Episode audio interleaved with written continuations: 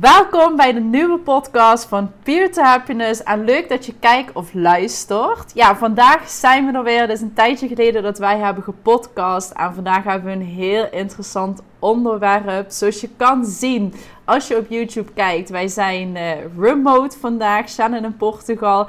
Ik in Nederland. En uh, ja, zoals ik al zei, het onderwerp van vandaag is heel interessant. Want wij ondernemen nu al drie jaar en heel veel vragen ons om tips over mindset, persoonlijke ontwikkeling, online zichtbaarheid en ondernemen in het algemeen. Maar wat wij stiekem heel vaak terug zien komen is relaties en liefde. Dus daar gaat deze podcast vandaag ook over. Ja, we hebben heel verschillende onderwerpen in dit topic over relaties en liefde aan te kaarten. Maar uh, Eerst, ja, Shannon, leuk dat je er ook bij bent. Laat jezelf eens horen. Ja, hier ben ik. Woe!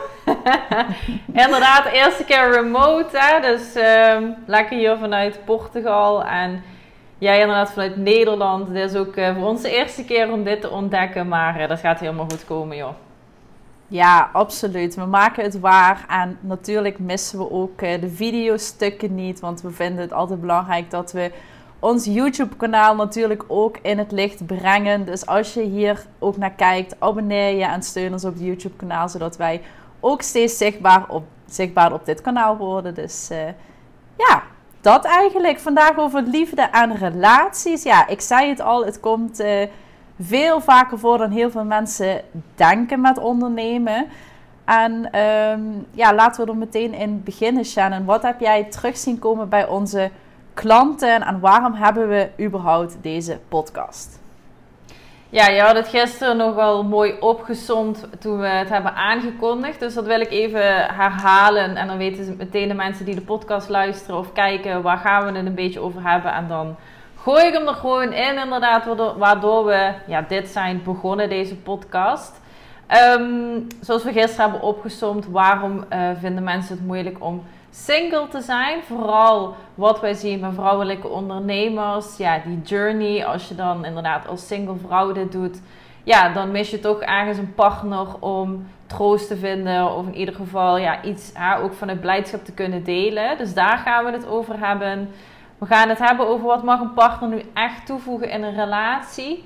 Um, ja, ik zit nu in een tienjarige relatie met mijn partner. Hij onderneemt ook. Dus ja, hoe doen wij dat en hoe zijn we ook die journey ingestapt en wat mag je dan aan elkaar toevoegen, vooral als je ook beide onderneemt. Wat betekent dat nou als een partner een invulling is in plaats van een aanvulling is in je leven? Daar gaan we het ook over hebben van ja, waar zit voor ons dan net dat significante verschil in? Geld in een relatie en vooral als we het over ondernemen hebben, dat is denk ik een nogal heel interessant topic. En waarom je de perfecte partner nog niet hebt gevonden. Ja, daar gaan we het ook helemaal over hebben. Maar ik denk waar ik het eerste op wil inspringen is. Wij coachen natuurlijk ook vrouwelijke ondernemers. En we hebben een verschil tussen vrouwelijke ondernemers die single deze reis aangaan. En we hebben vrouwelijke ondernemers die in een relatie zitten en ook deze reis aangaan. Maar ik denk dat we het eerst moeten hebben over en ja, wij beiden hebben ook in die, of wij staan ook in die positie. Hè? Keren, jij gaat deze reis nu single aan. Ik ben deze reis aangegaan met mijn partner. Dus laten we het begin, eens beginnen met wat zie jij vooral bij vrouwelijke ondernemers die deze reis single aangaan en hoe is dat voor jou? herkenbare punten uh, die ik terug zie komen, wat bij mij ook heeft gespeeld, is een stuk eenzaamheid. Um, natuurlijk, als je hele vette dingen meemaakt, maar ook natuurlijk de, de mindere dingen meemaakt, dan uh, kom je thuis en kun je dat niet delen instantly. En ik was altijd gewend toen ik in een relatie zat, alles meteen delen. Ik ben echt een prater van mezelf. En ja, toen ik nog in een relatie zat, was dat echt mijn gewoonte om gewoon meteen bam het op, hè, op tafel te leggen wat ik heb meegemaakt. En toen ik single was, of ja, ben um, merkte ik van zelfs de mindere dagen, dat vooral was gewoon heel lastig om dan uit je hoofd te komen, omdat je alleen bent. En dat herken ik nu ook bij onze klanten die single zijn. vooral als ze mindere dagen hebben, dan kan je echt met jezelf in de knoop raken als je alleen thuis komt en je hebt echt zo'n kutdag gehad. Um, om dat dan met niemand te kunnen delen. En je hebt voor je eigen idee dan het idee van ik ben alleen hierin. Ik sta hier alleen in. En wat ik daarin terug zie komen uh, bij mezelf is echt het stuk vrede in jezelf zoeken om ook dingen voor jezelf op te lossen op een manier dat jij rust in je hoofd creëert in plaats van dat je altijd iemand anders nodig hebt. Als je begrijpt wat ik bedoel. Ja, en dan hebben we het over op romantisch vlak natuurlijk, want op vriendschappelijk vlak, dat, het, dat zijn ook relaties aangaan, maar we, we hebben het hier voornamelijk over het romantische vlak. Hoe ga je er dan voor jezelf mee om? Laten we het even vanuit een positieve uh, ervaring benaderen. Inderdaad, je wilt iets delen en je komt thuis bijvoorbeeld. Hè, we hebben ook natuurlijk onze succesmomenten gehad. Ook al onze dieptepunten, maar ja, dat hoort erbij. Maar als je dan zo'n succesmoment had, ja, wij deelden dat obviously met elkaar. En met de geliefde die, die je om je heen hebt. Maar als je dan niemand hebt waarmee je dat kan delen romantisch. Dus inderdaad wat je zegt als je thuis komt en er zit niemand op de bank op jou te wachten. Hoe ga je er dan voor jezelf dan nu mee om? Of wat gaat er door jou heen? Um, ik ga er nu een stuk anders mee om.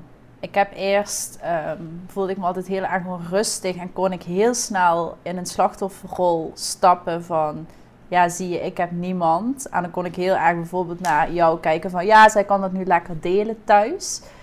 En in eerste instantie vond ik mezelf altijd heel erg zielig. Dat ik dacht van, ja, fuck, weet je wel, dan ben ik alleen thuis. En dan rij je alleen naar huis en dat je echt een amazing dag hebt gehad. En dan dacht ik altijd van, ja, ik mis dat.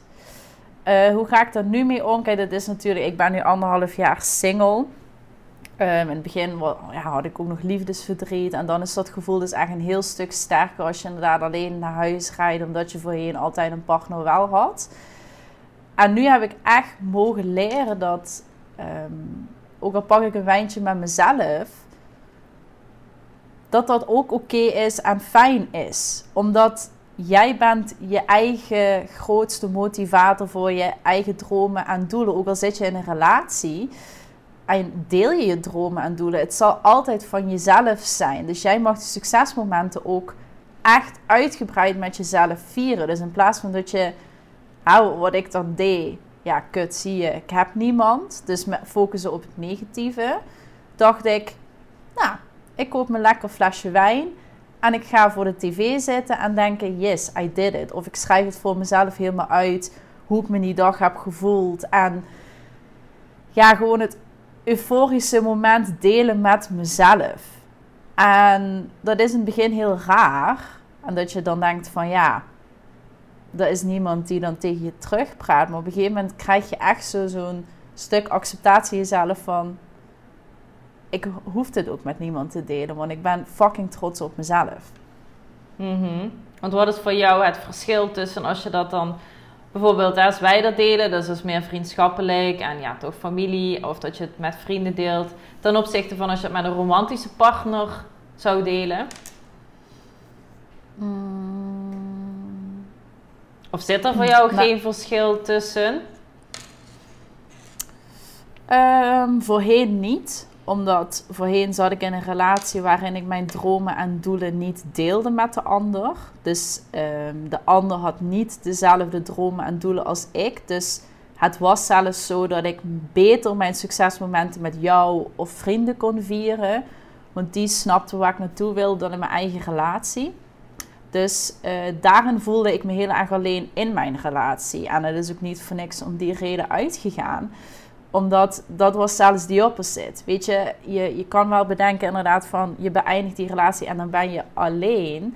Maar ik voelde me in die relatie met mijn dromen en doelen ook heel erg alleen. Dus dat voegde niks toe. Dat voelde zelfs beter als ik dat met jou vierde.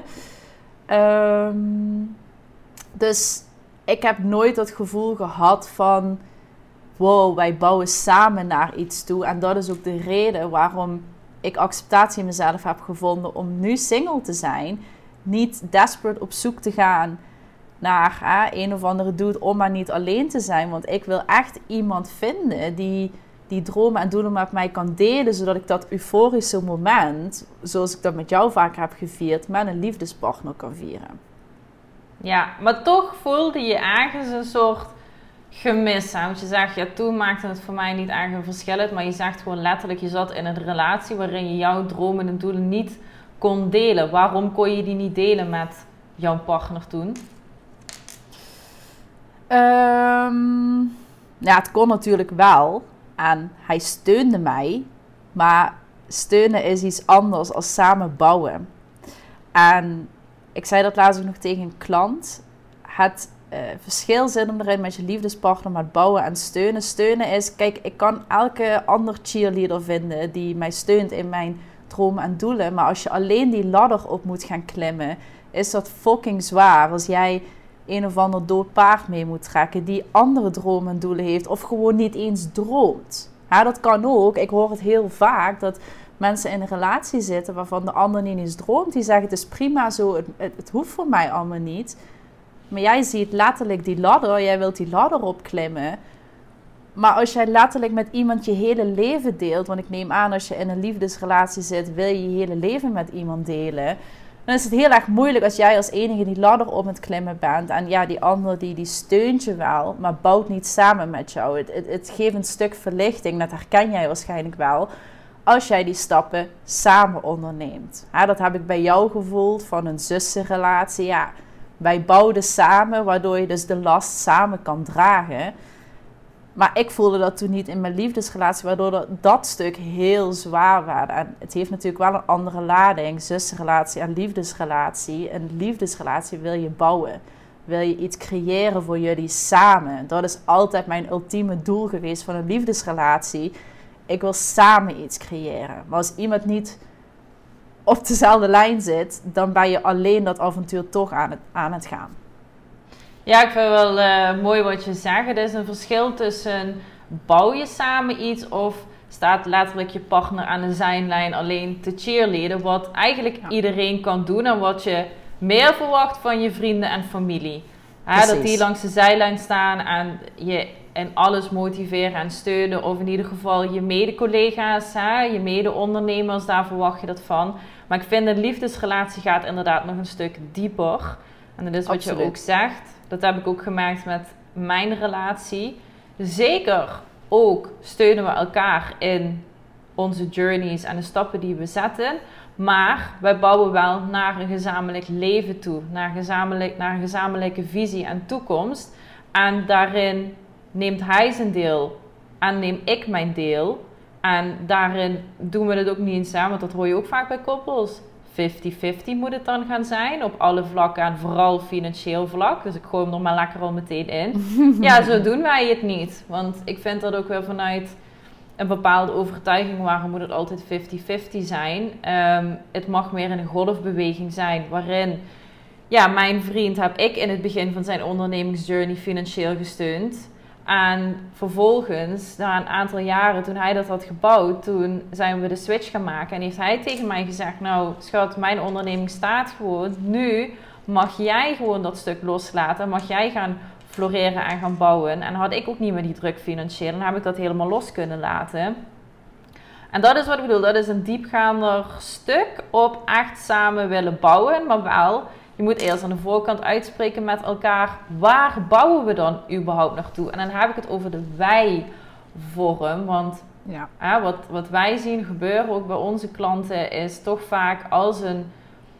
En dan heb ik het even gewoon over een man-vrouw relatie. Hè? Dan zie ik toch dat de uh, vrouw heeft dan bepaalde dromen en ze wil een bepaalde onderneming uh, daarvoor bouwen. Hè? Want je onderneming is een middel om je toekomst te bouwen. En de man is nog niet op dat punt. En dat maakt ook niet uit. Dat hadden wij ook. Hè? Mijn, mijn vriend had eerder die dromen, maar hij sprak ze wel uit. En ik ben er langzaamaan voor open gaan staan. Maar wat wij dus zien is dat vrouwen al wat langer in dat proces zitten. En de man vervolgens blijft hangen. En jij hebt dat ook gehad. Dus hij was er wel voor je, hij steunde je. Maar hij zei letterlijk tegen jou: nou ja, ik kies er niet voor wat jij wilt. Dat, dat zei hij niet letterlijk tegen je, maar dat voelde jij. En ook jij, ik denk dat je dat gevoel even hè, um, moet uitspreken. Natuurlijk denk je niet op dat moment meteen van, nou, uh, ik maak het uit en uh, ik ga er zelf vandoor. Zo drastisch nee. hoeft het niet te zijn. Maar op een gegeven moment, wanneer was voor jou ook dat punt dat je echt zei, maar zo kan het ook niet meer langer, want hij wil nooit mee? Of wanneer kreeg jij het gevoel, hij gaat nooit hierin mee? Hmm, nou ja, dat is een um, periode van tijd geweest, eerlijk. Dat is niet inderdaad zo dat je random op één dag je wordt wakker en je denkt, nou, hij wil het echt niet. Maar het was op een gegeven moment, um, ik ging mezelf ontwikkelen. Dus drie jaar geleden, vier jaar geleden, persoonlijke ontwikkeling. Ja, je gaat heel serieus nadenken over wie ben ik nou? Wat is mijn toegevoegde waarde um, aan de wereld, met mijn bedrijf en in mijn relatie? En ik merkte op een gegeven moment dat mijn toekomst heel duidelijk werd. Weet je, ik wilde niks anders dan impact maken, ondernemen met mijn zus en letterlijk vrouwen veranderen, vrouwen transformeren. Uh, maar dat vraagt heel veel van een, in, van een individu. Dus op een gegeven moment, um, je gaat next level, maar dan ga je ook beseffen dat jouw oude identiteit niet meegroeit. Dus die, de 1.0 versie van jezelf laat je letterlijk achter. Dus ik werd een 2.0 versie van mezelf. En de mensen om je heen, als die zich niet ontwikkelen, dus toen dat tijdens mijn partner, die ontwikkelde zichzelf toen niet. Ja, die hebben dan nog geen dromen, die weten nog niet wat hun toegevoegde waarde is. Zij weten niet waar ze naartoe willen. Dus um, die blijven daarin hangen. Maar het verschil is, en dan heb je het over open uh, mindset en closed mind mindset. Ik ging me natuurlijk daarin uh, verdiepen van wat is dan open-minded en wat is dan fixed mindset. Ja, open-minded is als je toen de tijd hoe jullie in die relatie zaten van... hey, ik snap waar jij naartoe gaat. Ik ben voor je en ik sta er open voor om van je te leren. Maar mijn partner had toen het een fixed mindset. Die was van, doe wat je wilt, maar ik sta er niet voor open om mee te gaan in die groei. Of ik sta er in ieder geval niet open voor wat. Om aan mezelf te denken en aan mijn eigen dromen en doelen te denken. Daar stond hij toen helemaal niet voor open. Want dan heb je te maken met een fixed mindset. Met iemand die niet open staat voor. Ja, letterlijk hun eigen dromen en doelen ook te creëren. Dus hij op een gegeven moment. Ik had mijn dromen en doelen, maar hij voegde daar niks aan toe. Hij had in mijn relatie opeens geen toegevoegde waarde meer voor mijn dromen en doelen.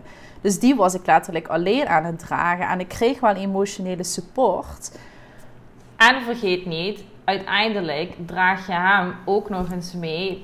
Desondanks dat hij zegt: Ik heb niet die dromen en doelen, maar dat is wat jij zegt. Iemand gaat dan leunen op jou, omdat diegene ja. merkt: Ja, ik heb zelf geen dromen en doelen. Dus je had ook nog eens een keer, hè, om zo maar te zeggen, zijn gewicht daarin mee. Wat je mee moest trekken om die dromen en doelen te bewerkstelligen wat jij had.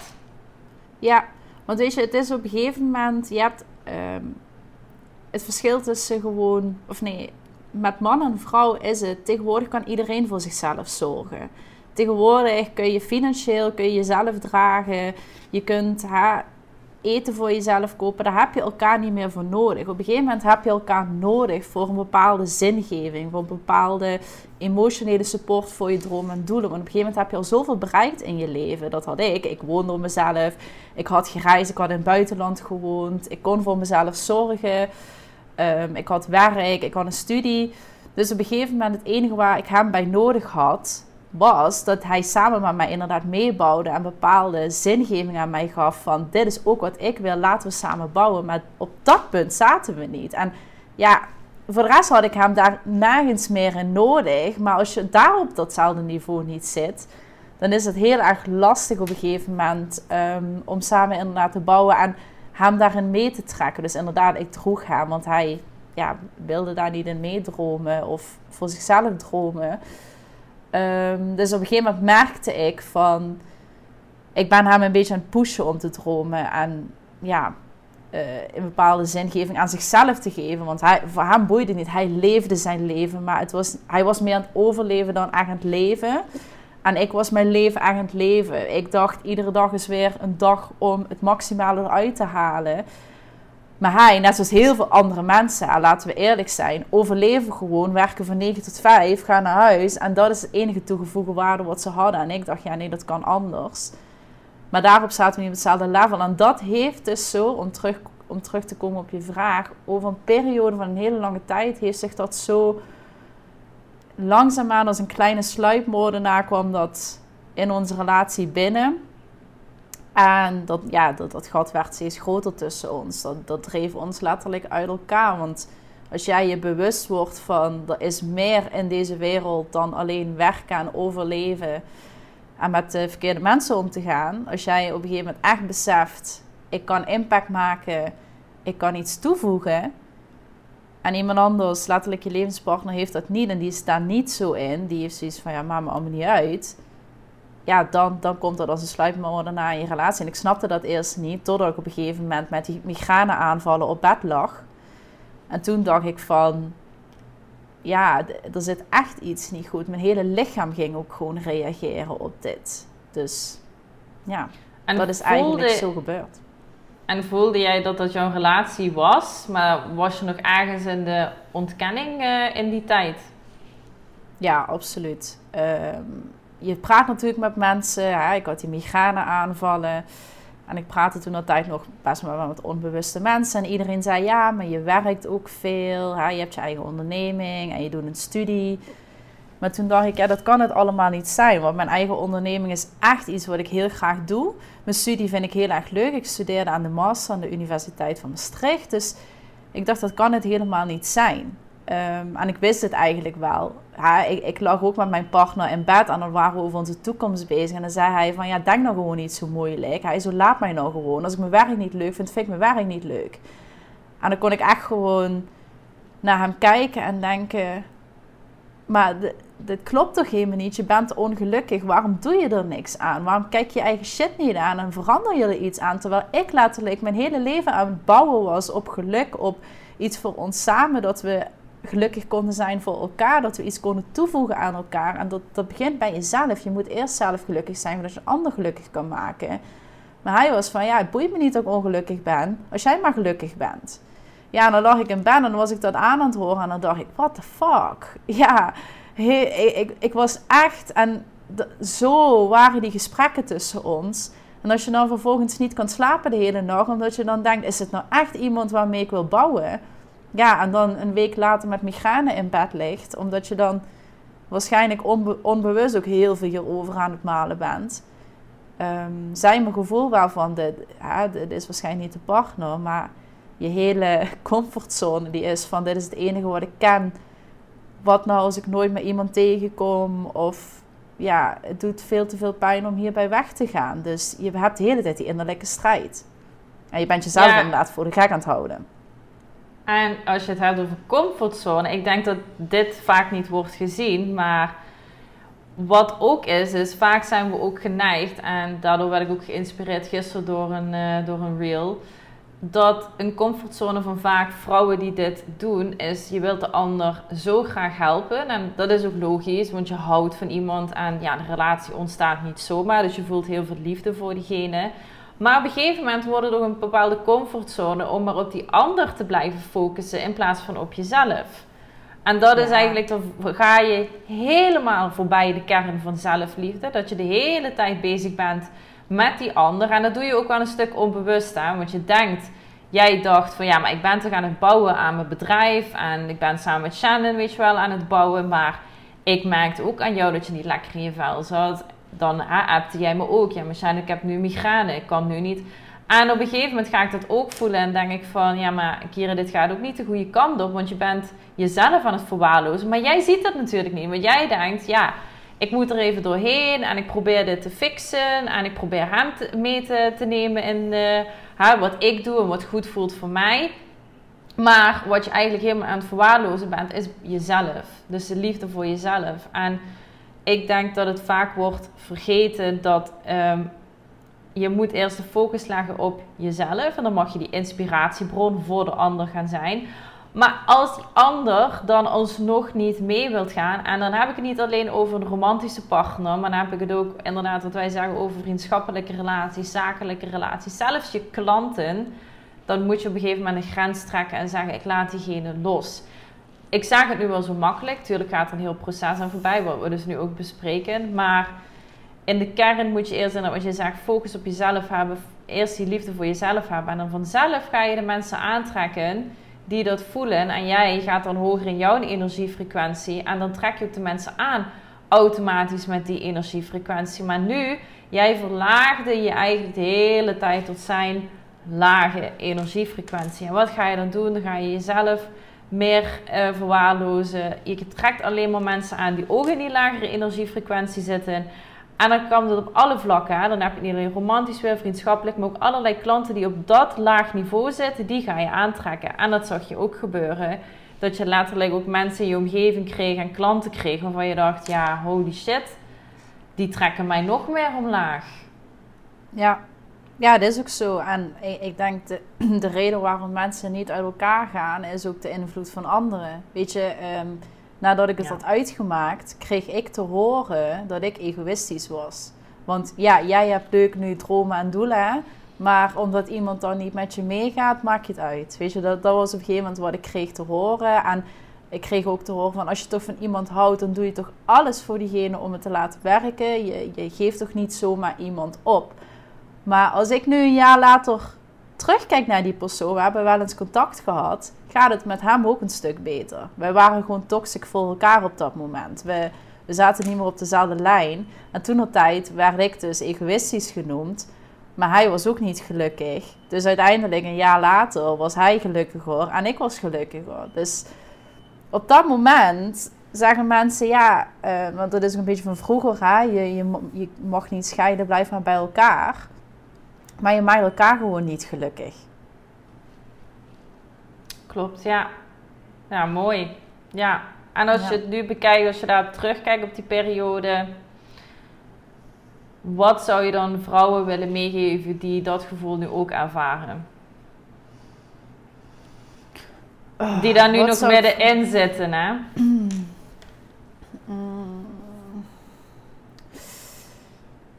ik snap dat kiezen voor jezelf misschien eh, het lastigste is. En dat de invloed van anderen die dan zeggen, ah, het is egoïstisch. En um, ja, um, als je voor jezelf kiest, is het egoïstisch. Maar weet dat je en voor jezelf en voor anderen een grote dienst wijst. Dat in ieder geval je voor jezelf kiest. Omdat wat ik net al zeg, ik heb niet alleen mezelf gelukkiger gemaakt. Ik heb superveel klanten kunnen helpen die ook uiteindelijk hiermee gelukkiger zijn geworden. Ik trok de juiste mensen op een gegeven moment aan. Ik had weer energie om hè, mijn ondernemer waarmee ik ook anderen help te kunnen bouwen. Uh, hij is er gelukkig van geworden. Hij is uit een relatie waarin hij continu werd geforceerd om hè, verder na te denken terwijl hij eigenlijk helemaal geen zin in had. Hij is nu living life. Hij is een stuk gelukkiger. Um, dus denk niet alleen aan de pijn. Denk ook aan wat het je gaat opleveren. En waar het wel naartoe kan gaan groeien. En who knows wat de toekomst je brengt. Weet je, op een gegeven moment... Um, ik heb echt op een gegeven moment voor mezelf uitgeschreven... wat voor partner ik wel wil. En ja, dan ga je daten en je merkt... stap voor stap kom je steeds dichter bij die persoon... En weet dat zo'n personen ook bestaan. Dus schrijf voor jezelf uit wat je wel wilt. ja, maar dat gaat inderdaad over toch wel een stukje visualiseren. En hoe mag een relatie voor jou wel voelen? Hoe, wat mag die partner wel toevoegen? En dat haakt op in het tweede punt wat we hierin gaan bespreken. Van wat mag nou een partner echt toevoegen? Ja, en ik denk dat is een manier om inderdaad te bekijken van ja, hoe mag dat dan zijn? Maar ook zeker eh, voorbeelden om je heen waarvan je dat ziet. Ja, zo zou ik het ook willen hebben. Daar mag je ook de inspiratie vandaan halen. Dat is ook zo. En daarin mijn grootste voorbeeld waren gewoon jij en Jasper. Hoe ik zag hoe jullie elkaar ondersteunden, maar ook samen met elkaar bouwden. Ehm, jullie deden het voor een reden het, het was niet dat jullie gingen ondernemen omdat jullie dachten, nou dat is leuk. Nee, jullie wisten hoe jullie leven mocht gaan uitzien. En dat kon alleen als je samen ging bouwen. en daarin waren jullie het perfecte voorbeeld van jullie lieten elkaar in jullie waarden. Jullie wilden elkaar niet veranderen, want dat was ook mijn valkuil. Hè. Ik probeerde, toen ik mijzelf ontwikkelde, mijn partner mee te veranderen. Maar als iemand dat niet wil, dan moet je dat ook accepteren. Uh, want anders ja, krijg je die fricties en voelt die ander zich nog steeds ongelukkig omdat ik hem probeerde mee te trekken. En bij jullie ging dat zo mooi. De, jullie gaven elkaar daar de tijd en de ruimte voor. En zoals ik zeg, jullie waren open-minded naar elkaar van... Ik gun het je, ik gun je dit proces, ik ga met je meegroeien en ik kijk wat het mij oplevert. Ja, en dat was voor mij de spiegel van... die open-mindedheid naar elkaar had ik in mijn relatie niet. En toen dacht ik, maar dit is wel wat ik wil. Als ik naar jullie keek, dacht ik, ja, zo'n relatie wil ik. Dat je elkaar gunt, van elkaar leert en gaat bouwen. Ja, en ik denk dat het ehm, zeker ook een deel te maken heeft met een open mindset hè, van jezelf en ook van je partner. Maar waar het in de dynamiek in een relatie om gaat, is gewoon communicatie en vertrouwen hebben. Want wat je zegt, het is ook niet vanuit uh, het niets gekomen. Hè? Het was niet zo dat mijn partner en ik zeiden van allebei tegen elkaar op hetzelfde moment: Ja, we willen gaan ondernemen, we willen meer vrijheid, we willen naar het buitenland verhuizen. Nee, dat is niet in één keer gekomen. Uh, ik weet gewoon nog dat hij ermee kwam. Hij zei op een gegeven moment van, uh, nou, als je even wat meer informatie wilt, hij had gewoon een bepaalde schuld daar heeft hij ook verteld in zijn eigen podcast. En op een gegeven moment zei hij tegen mij: Nou, schat, als ik dit moet oplossen met. Hij werkte toen als fysiotherapeut. Als ik dat moet oplossen met mijn loon als fysiotherapeut, dan zijn we 20 jaar verder en dan kunnen we dan pas gaan leven. Dus toen zei hij tegen mij: Ik ga wat anders proberen. Nou ja, dat zei hij alleen tegen mij. Want ik ben heel eerlijk. Ik zat toen in een fixed mindset. Ik had inderdaad zoiets van dan ga je maar 20 jaar werken en dan hebben we in ieder geval die schuld afbetaald. Want dat is de money mindset en de mindset waar ik toen in zat. Het enige wat ik kende was: ga werken voor je geld, ga dan werken voor een baas, je krijgt dan salaris uit. En daar hou je een gedeelte van over om je schulden af te lossen. Als je dan schulden had of hebt. En hij deed dat bewust, want hij was toen al bezig met persoonlijke ontwikkeling. En hij wist wel bij mijzelf van oké, ik weet dat Shannon daar nog niet helemaal klaar voor is. Daarom informeer ik haar wel dat ik iets anders ga doen. Maar de valkuil waar heel veel mensen in trappen is dat ze meteen alle details willen vertellen. Terwijl het voor hem ook nog heel erg onzeker was. En als hij toen al alle details aan mij had verteld, geloof me, ik was er echt overheen gewalst. En ik had gezegd: aan hoe ga je dit doen? Hoe ga je dat doen? Want dat was gewoon hoe ik toen uh, was. Dus dat, zo is het eigenlijk gestart. En tuurlijk liet hij ook wel in zijn gedrag zien dat hij ook echt daarmee bezig was. Dus het was niet alleen maar tegen mij zeggen. Maar ik zag hem ook letterlijk achter de laptop echt zijn ding doen. Dus hij ging werken en hij kwam thuis, we aten samen en hij ging uh, vervolgens achter de laptop zitten. Dus het was niet zo dat hij dan ging gamen of alleen maar ging TikTokken bijvoorbeeld. Oh nee, toen bestond TikTok nog niet. Dus, uh, of ja, toen bestond het wel, maar toen was het nog niet zo'n hype. Maar uh, ik zag wel dat hij in zijn gedrag liet zien, ja, hij is wel ermee bezig. Dus ik hield wel een oogje in het zeil. Maar het grappige was, dat was in de tijd van corona, toen uh, moest ik ook thuis gaan werken. Ik werkte toen nog in loondienst. Ik zag hem, godverdomme, helemaal lekker floreren. Ik zag hem lekker zijn ding doen. En ja, hij had ook zijn eerste succesmomenten. Maar hij kon ook gewoon lekker, weet je wel, met mij toen kon ik dat ook dan gewoon thuis lunchen. Maar ik wist gewoon als corona voorbij is, althans dat hoopte ik dat dat toen voorbij was. denk ik, ja, godverdomme, moet ik weer terug naar kantoor. En dan moet ik weer, weet je wel, met de helft van collega's zitten waar ik geen bok in heb. En ik dacht bij hem, nou moet je zien, eh, hij maakte iets van 32 of 24 euro bij de fysiotherapeut. Maar daarbuiten deed hij gewoon lekker dingen. Hij ging lekker sporten, we gingen samen lunchen. Ja, en ik zag hem zo ervan genieten, maar vooral van zijn eigen proces waarin hij groeide en het proces van zijn onderneming uh, wat, wat hij doormaakte. En toen werd het eerste zaadje in mijn kop geplant, want hij was letterlijk toen een inspiratiebron voor mij. En toen ben ik met hem gewoon dat gesprek aangegaan van hoe heb je dit gedaan? En toen zei hij, ja, ik heb het boek van Michael Pilarczyk gelezen, ik heb ook zijn podcast geluisterd, nooit van die vent gehoord. Dus ik dacht, oké, ga ook eens eventjes checken. Ja, toen ehm, ben ik mezelf daar ook in gaan verdiepen. Want ja, het kietelde me in plaats van dat hij me ging overtuigen. Dit moet jij ook doen. Ja, en zoals ik uh, in andere podcasts ook heb verteld. Ja, toen ben ik ook mijn uh, uh, journey daarin aangegaan. Ben ik de diepte daarin gegaan. En het belangrijkste wat wij continu hebben gedaan, is dat wij daarover zijn blijven communiceren. Dus ik ja. voelde bij hem gewoon, ik kan alles vertellen. Hoe shit ik me ook voel of hoe blij ik me nu voel. En hij was er voor me, maar we bespraken ook gewoon de dingen zoals vooral financieel. Ik denk dat dat de grootste ja, fuck-up is vaak in relaties. Vooral als je zo'n kantelpunt gaat maken in een relatie. Dan ga je een financieel gesprek ook krijgen. Want we hadden ook, we hadden ook een hypotheek, we hadden ook vaste lasten. En daarvan zie je, als de een daar wel bereid in is en de ander niet, dan gaat het heel hard schuren.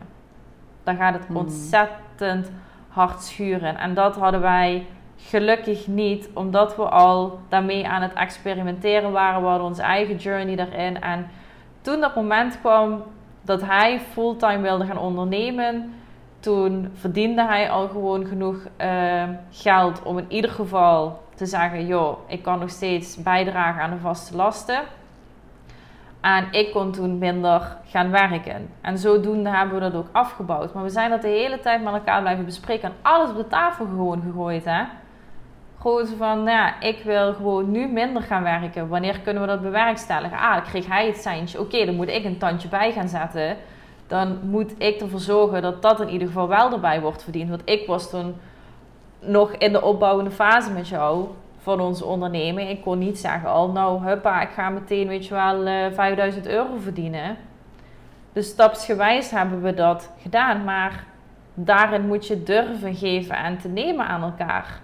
Dus hij hmm. durfde aan mij financieel meer, of laat ik zeggen, ik durfde eerst financieel meer aan hem te geven. En toen durfde hij op een gegeven moment ook wel financieel meer aan mij te geven. En ja, ik, ik vind dat zo zo'n knooppunt waarop, het, waarop ik het nu in veel relaties wel zie schuren, omdat dat vertrouwen zit daar niet. En dan vooral op financieel gebied ergens niet. Maar is het dan vertrouwen in de ander of vertrouwen in jezelf? Waar schuurt het dan? Het, ik denk tweeledig. Het heeft te maken met je eigen money mindset. Als ik zeg, ik, doordat ik mijn eigen persoonlijke ontwikkeling ben aangegaan, kon ik mijn fixed mindset over, nee, je moet gewoon je geld verdienen uh, in loondienst en dan ben je verzekerd van een bepaald loon en dan, daar pas kun je wat van gaan doen. Ik mocht gaan zien door ergens geld te investeren in dus bijvoorbeeld een onderneming, daar kan dus ook geld uit voortkomen. Of investeren in mezelf en dan kan ik creatiever worden en dan kan ik ook weer creatiever in de onderneming worden en dan kan ik ook weer manieren bedenken hoe ik eerder geld kan verdienen. Dat was een systeem wat ik voor mezelf moest gaan ontdekken. Maar waar ik stapsgewijs wel het vertrouwen in mezelf meer kreeg. Ah, het werkt toch wel. Want wij deden gewoon, dat is het belangrijke. Wij deden gewoon, wij gingen al gewoon doen. En we merkten, hé, hey, daar komt ook echt geld uit. Dat is een stuk. Dus hè, die money mindset bij jezelf gewoon uh, daaraan werken. En ja, tevens heb je echt het vertrouwen in je wederhelft dat ja, wat, wat diegene wil en wat diegene zegt, dat diegene dat ook doet. En geef jij ook je volledige onvoorwaardelijke vertrouwen, want daar gaat het om, hè? je onvoorwaardelijke liefde en vertrouwen aan diegene. Van ja, ga dat maar doen. Hier heb je mijn, uh, uh, mijn geld, om het maar even zo te zeggen. Mm. Maar daarbij wil ik wel zeggen een ezel stoot zich natuurlijk geen uh, tweede of derde keer in dezelfde steen. Dus het is wel, gun het eerst, probeer het eerst. Maar wij hebben wel steeds aan elkaar bewezen dat we er ook iets mee deden. En dat maakt niet uit als het ook een verkeerde investering was, want dat is alleen maar leergeld en daar, daar leer je van en, en, van fouten leer je. Maar dat ik wel in ieder geval zag, hij doet er wat mee. Of dat hij bij mij zag, ze doet er wat mee. En we houden elkaar gewoon op de hoogte wat de progressie daarin is en welke leermomenten daaruit worden gehaald. Hmm. Zie jij bijvoorbeeld als je onvoorwaardelijk geeft en diegene doet er geen ene kut mee, om het zo maar even te zeggen, dan moet je nagaan, wil diegene er ook echt voor gaan samen met jou? En dat is waar de meesten ook bang voor zijn. Ik denk dat dat de grootste crux ook weer is van... We zijn gewoon bang om dat onvoorwaardelijk te geven, omdat we bang zijn dat diegene ons teleurstelt. Hmm. En dat je dan bij jezelf moet erkennen: shit, dit is niet de partner waarmee ik kan bouwen. Want diegene gelooft en ten eerste niet in zichzelf. En ten tweede remt diegene dan vervolgens mij in mijn proces. Hmm. Ja, want ik weet nog, uh, wij waren beeldwapenis inmiddels misschien een half jaar aan het draaien. Dat leverde nog geen twee maandlonen, want het, het, moest ons alle twee natuurlijk onderhouden. Dat, dat leverde het nog niet op. Maar jij wilde wel minder gaan werken en eigenlijk stoppen met je baan. Maar dat vond je heel erg lastig, want dan zou alles op Jasper komen, hè? Want we hadden nog geen... Uh, geen ruimte in de financiën van Beauty Happiness dat, uh, dat jij ook de vaste lasten kon betalen. Maar andersom had je daar geen moeite mee. Hè? Jij gaf Jasper daarin de vrijheid en hij nam jouw vertrouwen aan. Maar toen je het zelf moest gaan doen, dus toen jij uiteindelijk de controle moest loslaten, dus jij had gezegd van ja, ik wil eigenlijk, want dat voelde je aan alles, ik wil stoppen met mijn baan, want ik word hier niet gelukkig. Wat levert dit op mijn toekomst toe. Hè? Het was geen toegevoegde waarde op je toekomst. Waarom vond je dat dan zo lastig? Door meerdere overtuigingen. Ten eerste, wat ik net vertelde, mijn money mindset. Dat ik uh, ben opgevoed en altijd om me heen heb gezien dat man en vrouw werkten. En um, tot een bepaald gelijkheid meedeelden in de financiële lasten. Dus ik voelde daar een bepaalde verantwoordelijkheid over. Van ja, ik moet toch wel ook een gedeelte van de financiële lasten op mij dragen. Um, daarnaast, ik wilde niet, ook een bepaalde overtuiging, ik wilde niet afhankelijk zijn van hem. Dat was voor mij een heel groot ding. Ik wilde niet voelen, oh, ik moet met het. Zo dacht ik echt, hè, ook moet met mijn handje openstaan en ik moet aan hem geld dadelijk gaan vragen dat waren wel de twee grootste mindfucks die ik daarop had. En ja, ja zoals ik zeg, uiteindelijk moet je het gewoon even doen en ook weer bespreekbaar maken. Maar dat is ook niet over uh, ja, van vandaag op morgen weggevaagd. Dat is bij mij een hele lastige geweest om dat echt los te laten. Maar ik denk dat dat juist heel mooi is, vooral als je kijkt naar man en vrouw. Het mooiste wat ik vond is gewoon doordat hij ook in zijn eigen ontwikkeling zat, dat hij op een gegeven moment tegen mij zei: Ja, maar schat, jij hebt mij mijn dromen en doelen nu gegund om te kunnen bouwen en om er in ieder geval een fundament neer te zetten. Nu mag jij jezelf dat ook gunnen. En dan komen we weer op het punt van zelfliefde. Ik gunde mezelf dat nog niet. Door bepaalde overtuigingen. Ik wil niet afhankelijk zijn. Um, dat altijd naar het 50-50 streven, want je hield, zelfs een document, je hield zelfs een document bij wat jij Jasper verschuldigd was, hè, wat hij aan jou uh, toen dat tijd betaalde, vaste lasten, weet ik veel. Je hield het allemaal bij in het document om hem dat ooit terug te betalen, zodat je maar 50-50 bent. En dat heeft zich hè, in de jaren dat jij ook aan het ondernemen was, heeft zich dat altijd tegen jou gewerkt. Wanneer was dat moment dat jij besefte ik ben zo tegen de stroom in aan het zwemmen. Ik ben zo naar die 50-50 aan het streven. Dit werkt niet voor mij. Toen ik besefte dat mijn eigen waarde niet gelijk ligt aan het financieel voor dezelfde gelijkheid van mijn partner in te brengen in de vaste lasten. Nou. Mijn eigen waarde, mijn, uh, mijn zelfbeeld hangt niet vast van die externe bevestiging. Dat ik hetzelfde moet bijdragen als mijn partner, staat niet gelijk aan, oh, dan ben ik gelijk aan hem of gelijk aan wie dan ook. Dat is geheel vanuit een bepaald status- en ego-gedachte. Terwijl wat ik hem wel kan geven op dat moment was heel veel mentale steun. Vanuit een bepaalde liefde, weet je, want dat had hij ook. Zijn onderneming ging in één keer skyrocket. En ik merkte ook, ja, als ik er voor hem ook niet was en hem daarin ondersteunde, dus wat ik zeg, mentaal, spiritueel, dat allemaal, dan ging hij er ook aan ten onder. En ik denk, omdat dat niet tastbaar is, dat vrouwen zichzelf dus verlagen om te, te denken: nee, maar ik moet ook wat hij inbrengt, moet ik ook kunnen inbrengen. En dan zijn we gelijk. En dan ben ik ook gelijk. Ja. Terwijl je mag het is zien eigenlijk als... fucked up, hè?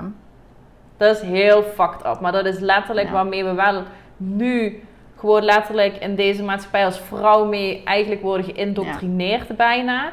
Zo van, je moet financieel net zoveel bijdragen als de man, want anders ben je niet gelijkwaardig en kun je niet hetzelfde geven aan je kinderen. Dat is echt fucked up, vind ik. Want je kinderen willen niet de mooie reisjes. De kinderen willen niet een prachtig huis. Kinderen willen gewoon liefde voelen. Gewoon dat de moeder en de vader 100% aanwezig kan zijn. Maar ik denk vooral ook de moeder. Weet je, dat de, als de man gewoon er maar voor zorgt, we hebben een dak boven ons hoofd, er is eten gewoon in, in de koelkast. En als de vrouw er ook maar vooral is om dat kind te ontzorgen, daarvoor te zorgen. Weet je wat dat, dat is gewoon bijna van onschatbare waarde. En dan denk ik, en dan zit je als vrouw te focussen op, zoals ik dat ook deed. Nee, maar we hebben dan nog geen kinderen, maar om het zo maar even te schetsen. Nee, maar dan zou ik dus als vrouw zijnde pas me gelijkwaardig voelen als ik kan zeggen, ja, maar mama, mama draagt wel bij voor 50% aan de vaste lasten. Ben je nu trots op mama? Ja, dat boeit een kind niet.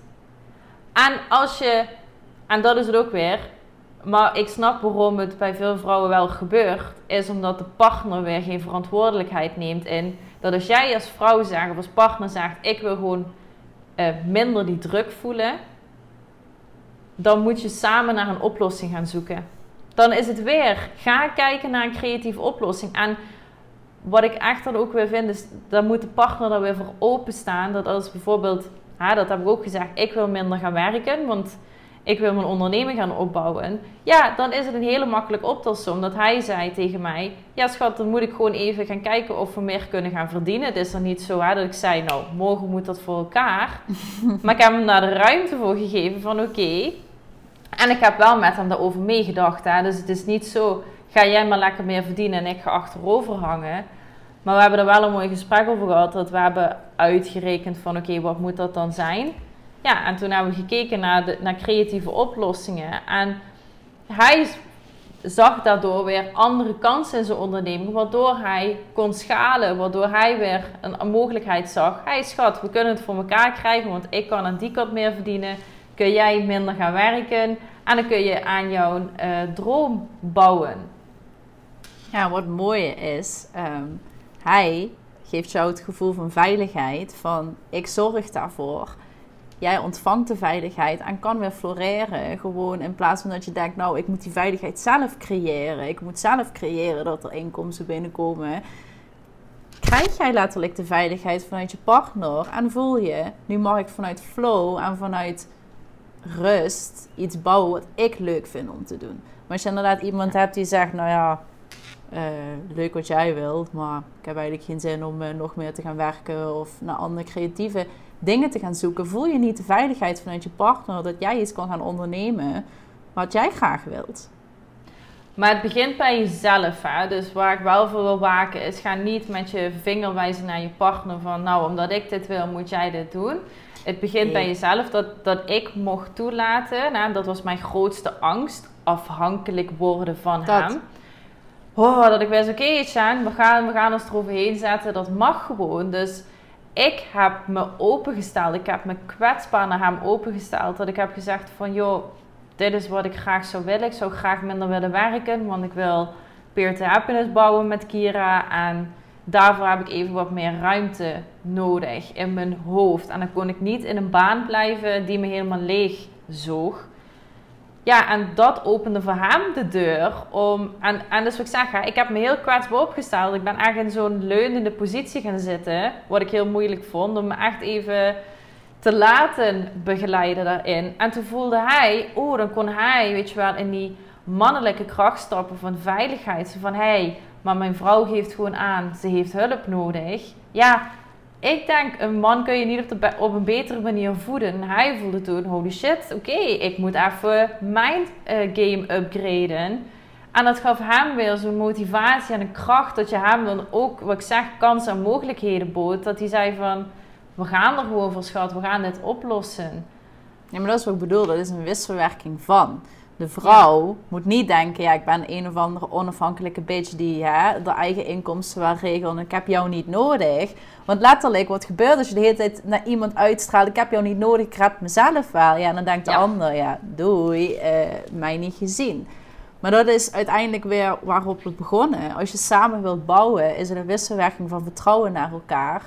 Jij geeft aan, oké, even die status onafhankelijke bitch, die pak ik even in. Die is er gewoon niet meer. Ik geef jou het vertrouwen dat we samen bouwen, maar daar heb ik veiligheid voor nodig, zekerheid.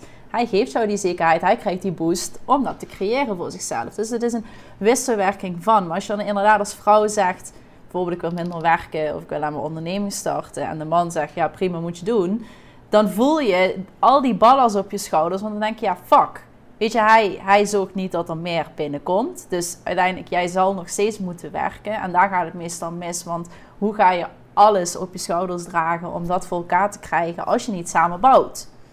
Ja. Mag bewegen. En wat krijg je dan, waar we het over hadden, hè, die dynamiek van, uh, van jouw relatie, is dat jij harder gaat werken voor de ander eigenlijk omdat je, zoals ik zeg, het is weer vanuit een, een pure intentie, want je houdt heel veel van iemand. Maar een partner mag gewoon letterlijk een aanvulling in je leven zijn. En het moet niet een afhankelijk, afhankelijkheid gaan zijn in je leven. Maar je ziet inderdaad heel veel vrouwen nu, en dat is ook, hè, dat gaat in op dat punt van waarom vind ik toch niet de perfecte partner? Ja, omdat als jij je blijft opstellen, en dat is het ene uiterste van de medaille, um, of nee, weegschaal, of hoe zeg je dat? In ieder geval de ene uiterste kant van inderdaad die perfecte, onafhankelijke bitch blijven van I don't need anybody en ik heb geen vent, ik heb geen partner, whatever nodig. Ja, als je dat blijft uitstralen op die manier, dan zal nooit iemand voelen dat diegene wat kan aanvullen in jouw leven. En wat krijg je dan? Ja, dan krijg je van die fucked up hook-up relaties dat er alleen maar even getinderd wordt. En dat er één nachtje overheen wordt gegaan. Maar vervolgens wordt er gemerkt van oké, she doesn't need anybody. Oké, ik ga wel eruit. Want ja, hoe wil de man dan überhaupt voelen? Ik heb wat toe te voegen aan deze vrouw. Want ja, blijkbaar kan ze het toch allemaal zelf fixen. Ja, nee, dat is echt zo. En ik denk eerlijk, um, vroeger heeft de vrouw natuurlijk moeten strijden om überhaupt een stem te hebben, figuurlijk en letterlijk. Maar dat appt zich nu door. Dat je als gelijke moet zijn om überhaupt een stem te hebben, om gelijkwaardig te zijn. Maar zoals jij zegt, we kunnen op zoveel andere vlakken onze stem laten horen. Dat hoeft niet altijd 50-50 financieel. Dat hoeft niet altijd dat je zegt van nou, ik sta ook in het management of whatever. Het kan op zoveel andere manieren. Waarvan ik denk, ja, nu zijn we het aan gaan het forceren. En wat ik voel, wij bouwen samen met vrouwen, maar bijna iedere vrouw kwam op een punt dat ze dus hun droom en doelen hebben. En dat hebben ze kraakhelder. Daar zijn vrouwen goed in. Ze, ze weten op een gegeven moment, de vrouw met wie wij werken, wat ze willen. Ze weten op een gegeven moment, ja, dit is echt het toekomstplaatje wat ik wil. Maar ja, omdat jij jezelf dus hebt ontwikkeld, niet iedereen groeit erin mee. En dan komt het punt van, ja, shit, mijn partner die die zegt, ja, het is voor mij allemaal wel prima zo. En jij voelt, het is voor mij niet prima zo. Het kan nog beter. Het kan nog groter. Ja, kijk, en ik wil daarin zeggen wat je zegt. Vroeger was het zo dat inderdaad uh, de vrouw, even zwart-wit gezet, de vrouw eigenlijk een rol werd geduwd van, nou ja, het enige recht is het aanrecht. Uh, dat is waar wij absoluut niet voor staan. Maar wat je nu krijgt is dat we weer naar het andere uiterste gaan. Dus dat inderdaad wat je zegt, dat de vrouw in alle uiterlijke bevestiging, uh, bevestiging in de buitenwereld aan het zoeken is om gelijkwaardig te kunnen zijn aan de man. En daardoor gaan we helemaal aan die linkerkant zitten van status, ego en macht. En willen we inderdaad bepaalde functies kunnen bekleden om maar te kunnen laten zien: kijk, ik kan ook wat die mannen doen. En dat gaat helemaal voorbij aan de eigenschappen en de vaardigheden en de kwaliteiten die een vrouw in zichzelf al heeft. En daarmee mag je shinen. En daarop mag je vertrouwen dat vanuit daar, als je dat inzet, komt de overvloed vanzelf. En dan heb ik het over overvloed vanuit liefde, dankbaarheid, geld zelfs. Hè? Als je dat vooral in je onderneming inzet. hè, als we het hebben over ondernemende vrouwen durf erop vertrouwen om dat los te laten gaan. Want daar zijn we van vrouwen natuurlijker, veel krachtiger in dan mannen. Dat mag je meer gaan inzetten en niet inderdaad ego voorop zetten of status voorop zetten. Dat Ja. gaat je niet verder helpen. Nee, ja, het grappige is, ik had, ik had het er laatst met iemand over, die had eh, een artikel gelezen en ik wist dat al lang, dat het mannelijk testosteron, tes, moet je me even helpen? Testosteron, dat, ja, was gedaald met echt 40% of zo. Dus dat de Ja. mannen gewoon veel minder mannelijke hormonen in zichzelf hebben. En zij was helemaal, hij is van hoe dan? Maar letterlijk, hè, ik zie het gebeuren als ik in een restaurant zit. Dan zit de vrouw te tieren dat de man betaalt. Nee, ik moet betalen of het moet 50-50. En dan denk ik, ja, dit is ook weer zo'n deuk op die man zijn ego. Want die heeft zoiets van, ja, ik ga met een vrouw uit eten, ik wil betalen. En nu hebben we het echt alleen over vrouw-mannen relatie, dus niks anders. Geen andere relaties, even gewoon heterogene Even, ja. relaties. precies. Ehm, en dan, dan zijn ze aan het tieren. Nee, ik moet betalen. Of hè, 50-50. En dan denk ik van... Ja, dit is ook zo'n typisch voorbeeld dat een man zich geen man kan voelen. Want omdat de vrouw dan zegt, nee, want ik... Dat, dat hoorde ik ook, hè. Ja, maar ik werk toch ook? en toen dacht ik, Ja. ja... En dat zijn dan de vrouwen die dan, weet je wel, na drie dates zeggen... Ja, hij is afgehaakt. Waarom ben ik nog single? Ja, meid, laat jezelf eens een keer kwetsbaar opstellen. Laat die man zich een man voelen. En laat hem betalen. Maar ze worden iedere keer erop geduwd dat ze niet, eh, niet hoeven te betalen. En vervolgens zijn ze wel de vrouw aan het janken dat alle mannen mietjes zijn. Ja, ja, weet je, dan denk nee, ik maar van, dat- wat, wat, wat wil je nou?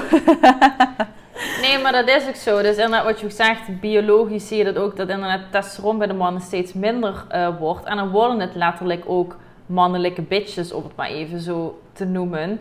Maar dat is wel omdat in die dynamiek we het bij elkaar wel veroorzaken. En wat jij dus nu ook zegt, kijk, eh, wij zeggen daarbij niet van... ehm, de, de man, eh, hè, de- er is geen standaard van de man hoort altijd zijn pinpas te trekken. Maar geloof mij, ik vind het heerlijk als eh, mijn partner gewoon zijn pinpas trekt en, en zegt tegen mij: Schat, we gaan lekker genieten. Mm, maar dat betekent niet dat ik nooit de pinpas trek. Tuurlijk Ik niet, trek maar de eerste date... Eerste date inderdaad, dan voelt dat heel erg fijn. En ja, let's be honest, ik vind het wel fijn als dan de man zegt tegen mij van inderdaad, ik trakteer. Dan weet ik in ieder geval, oké, ja, dan heb ik wel te maken met een vent die, die ja, toch wel een beetje alles op orde heeft en voor zijn vrouwtje wilt eh, zorgen.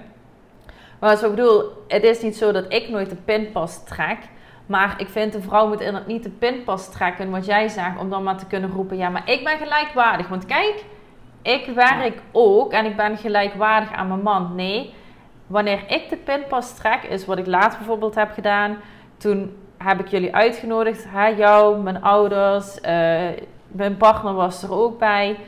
Omdat, ja, ik heb ook bepaalde succesmomenten behaald. En ik had echt zoiets van, dat wil ik gewoon delen met mijn geliefde.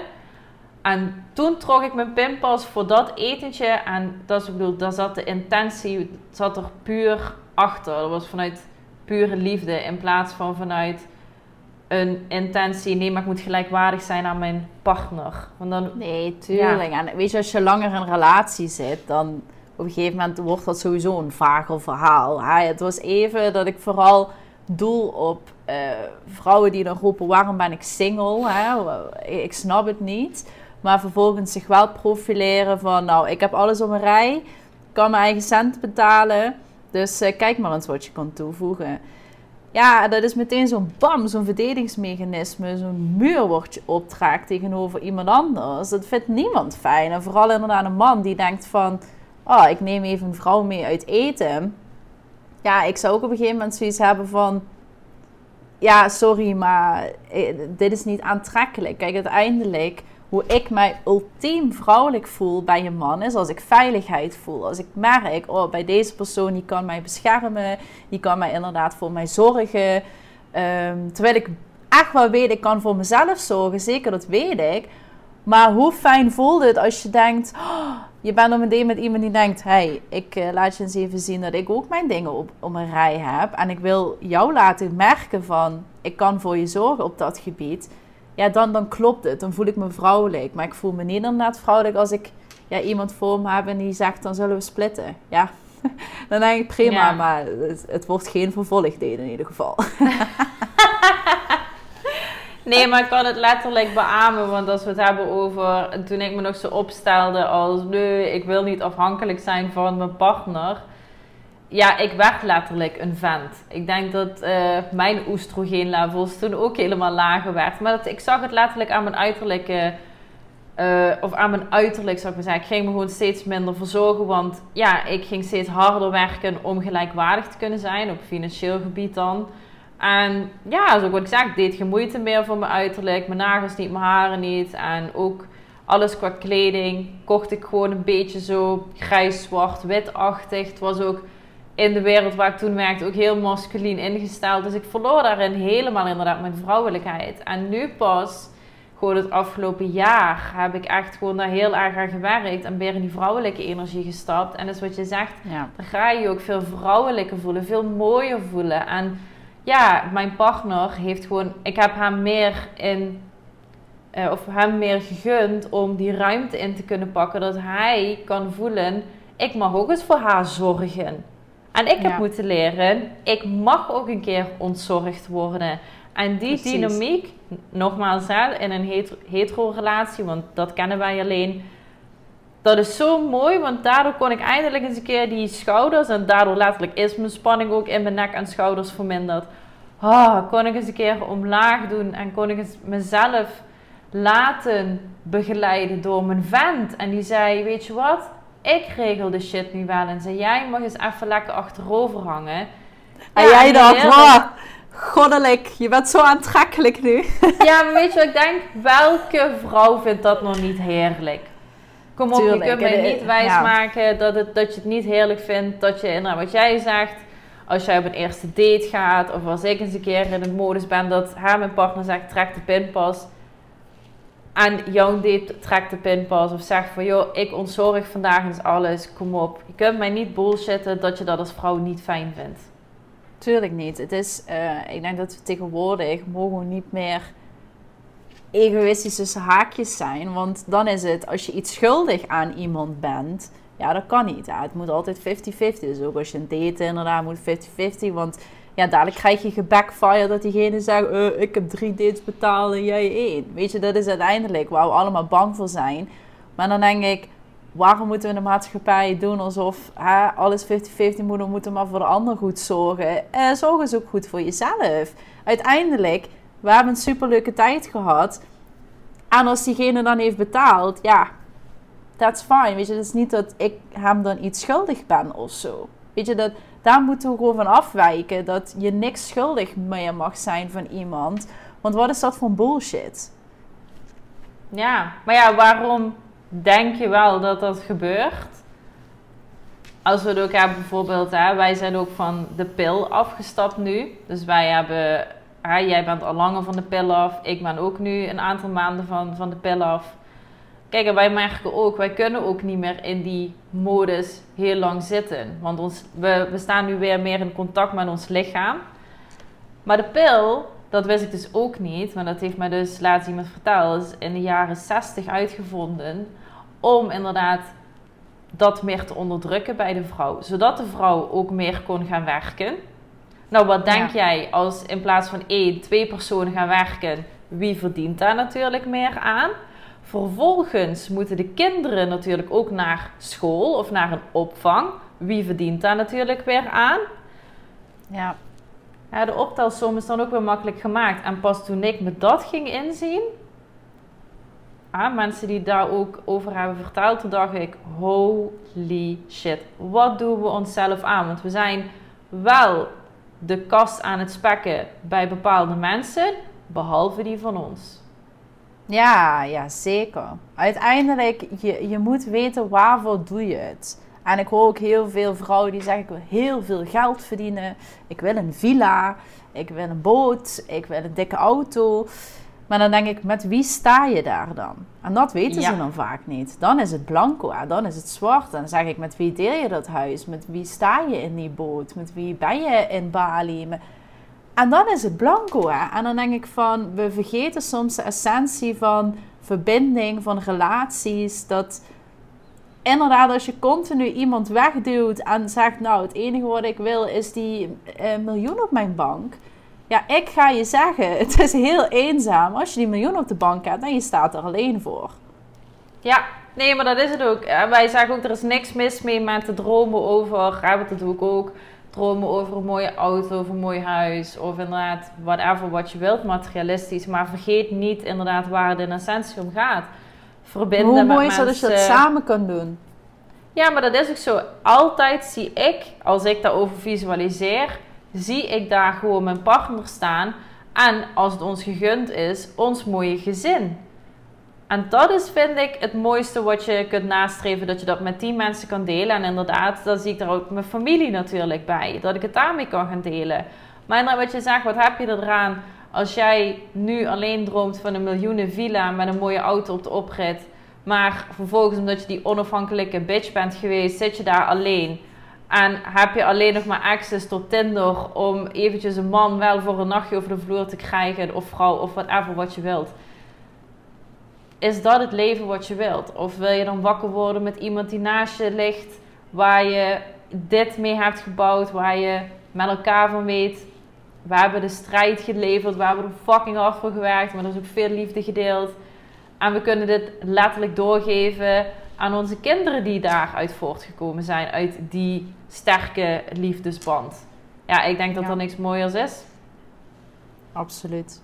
En dat is ook weet waarvoor je het doet uiteindelijk. Vergeet, vergeet nooit waarvoor je zo hard je best doet, waarom je dromen en doelen hebt. En dat is ook uiteindelijk waarop je keuzes kunt maken. Om inderdaad in een relatie te stappen waarvan je merkt, daar, met dezegene ga ik niet bouwen. Om inderdaad te gaan ondernemen of je relatie wat onder druk te zetten, omdat de ander zegt ik wil ervoor gaan. Weet waarvoor je het doet.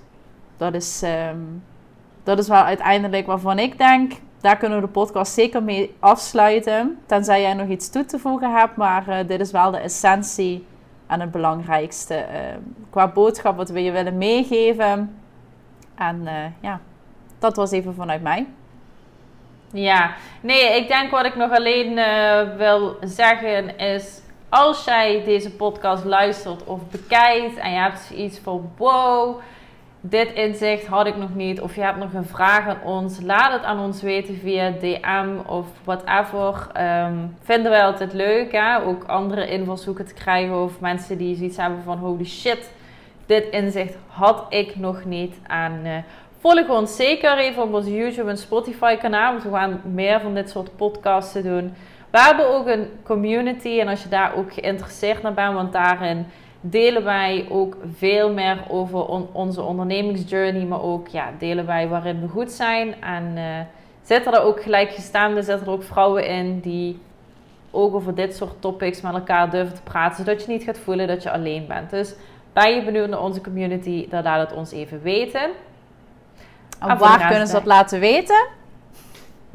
Ja, laat het ook even weten, ook in de DM op onze Instagram kanaal of uh, TikTok kanaal. Stuur dan gewoon even een berichtje met community en dan nemen we contact met jou op. Absoluut. En dan zien we of luisteren jullie weer naar ons voor de volgende podcast. Dankjewel en tot de volgende.